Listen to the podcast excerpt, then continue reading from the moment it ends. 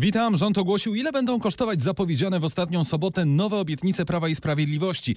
To ma być nawet 42,5 miliarda złotych rocznie. Najdroższe jest oczywiście 500 plus na pierwsze dziecko, to jest koszt 18,5 miliarda złotych rocznie. E, Po 10 miliardów mają kosztować trzynastki dla emerytów i rencistów oraz obniżka podatku dochodowego. 3 miliardy ma kosztować niższy PIT dla ludzi młodych poniżej 26 roku życia. I skupmy się na tych podatkowych obietnicach, na czym one mają polegać.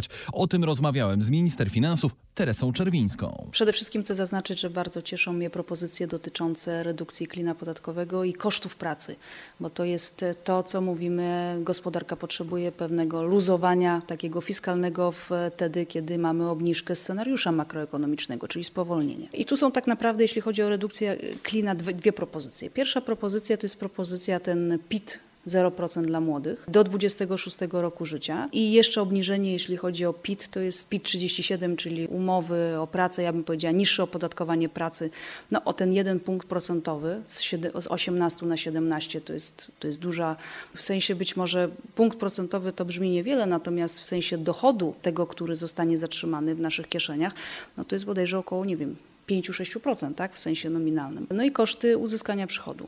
Koszty uzyskania przychodu, czyli podwyższenie kosztów uzyskania przychodu, które od 10 lat nie były w ogóle podwyższane. Jeśli możemy w takim razie krok po kroku omówić najpierw ten PIT dla młodych. Które dochody będą zwolnione? Czy wszystkie? Czy będzie jakiś limit? Czy zachowujemy próg 32 w takim razie powyżej 85 tysięcy? Jak to ma działać? No, przede wszystkim jeśli chodzi o termin wejścia, trzeci kwartał. Skoro mówimy o trzecim kwartale, to mówimy o tym, że zrobiliśmy gruntowny przegląd jeśli chodzi o koszty pracy, porównania międzynarodowe również klina podatkowego. I teraz jesteśmy na etapie, na etapie kalibracji propozycji. Dzisiaj nie chcę podawać tutaj pewnych szczegółów, dlatego że musimy osiągnąć dwa cele. Pierwszy cel to jest rzeczywiście redukcja kosztów pracy i pobudzenie gospodarki. Ale to się nie uda, jeżeli te propozycje będą y, dziurawe, jeżeli zaczną rozszczelniać system. W związku z tym musimy tak to skalibrować, żeby z jednej strony ci młodzi rzeczywiście zna, znaleźli stabilne zatrudnienie, było niskie bezrobocie wśród młodych i wyższe wynagrodzenia, ale z drugiej strony, żeby nie prowadziło to do nadużyć. Dlatego jeżeli wracam do PIT 0% dla młodych, to przede wszystkim e, koszty pracy, czyli umowa o pracę. Tutaj widzę przede wszystkim największą potrzebę. Czy kalibracja limitów, czy pewnej nałożenia pewnych ograniczeń, czy, czy, czy pewnych rzeczy. Myślę, że to będzie potrzebne po to, żeby właśnie systemu nie rozszczelnić. Tak? Czyli tak, rozumiem, umowa o pracę, umowa o dzieło, umowa zlecenie też mogą być kwalifikowane, bo rozumiem, że mówimy tylko o dochodach z zatrudnienia, nie mówimy o dochodach Dochody z giełdy, z kapitału. Za, właśnie, praca. Dochody z giełdy to są dochody z kapitału, panie redaktorze. W związku z tym mówimy o dochodach z pracy. To jest to też, co, o czym wcześniej rozmawialiśmy, że mamy pewną dysproporcję w opodatkowaniu pracy i kapitału. Więc Teraz mówimy o dochodach z pracy, wykonywanej osobiście i przede wszystkim promującej stabilność zatrudnienia dla młodych ludzi.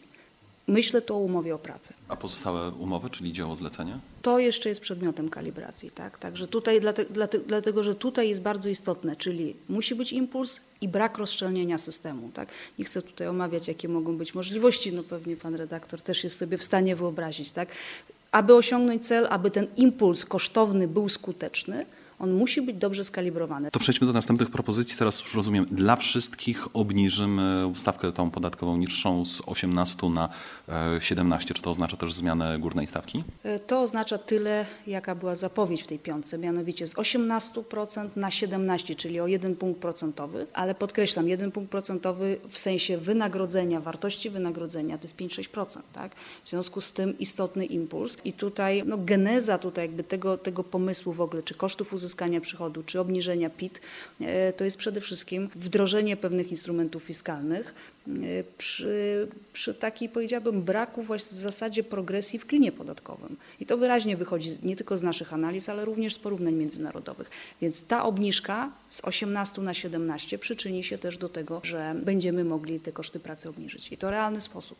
A skoro mamy brak progresji, na który często zwracamy uwagę, to, to oznacza, że myślimy o wprowadzeniu jakiejś trzeciej stawki podatkowej dla najbogatszych, czy nie? No tutaj nic mi na ten temat nie wiadomo. Ja poruszam się w... Nie, nic mi o tym na ten temat. To przejdźmy do tej trzeciej rzeczy, czyli koszty pracy. Koszty Co tu ma się koszty zmienić pracy, dokładnie? Koszty uzyskania przychodu to jest y, kategoria, która y, w zasadzie powoli przestaje pełnić swoją funkcję, tak? Czyli chcemy, aby te koszty uzyskania przychodu, żeby była większa możliwość odliczania. Co to oznacza dla podatnika? Im, jeżeli ma większe koszty uzyskania przychodu, to znaczy więcej zostaje w kieszeni podatnika. Czyli mu, ekonomiści mówią, że redukujemy y, klin podatkowy. To była minister finansów Teresa Czerwińska.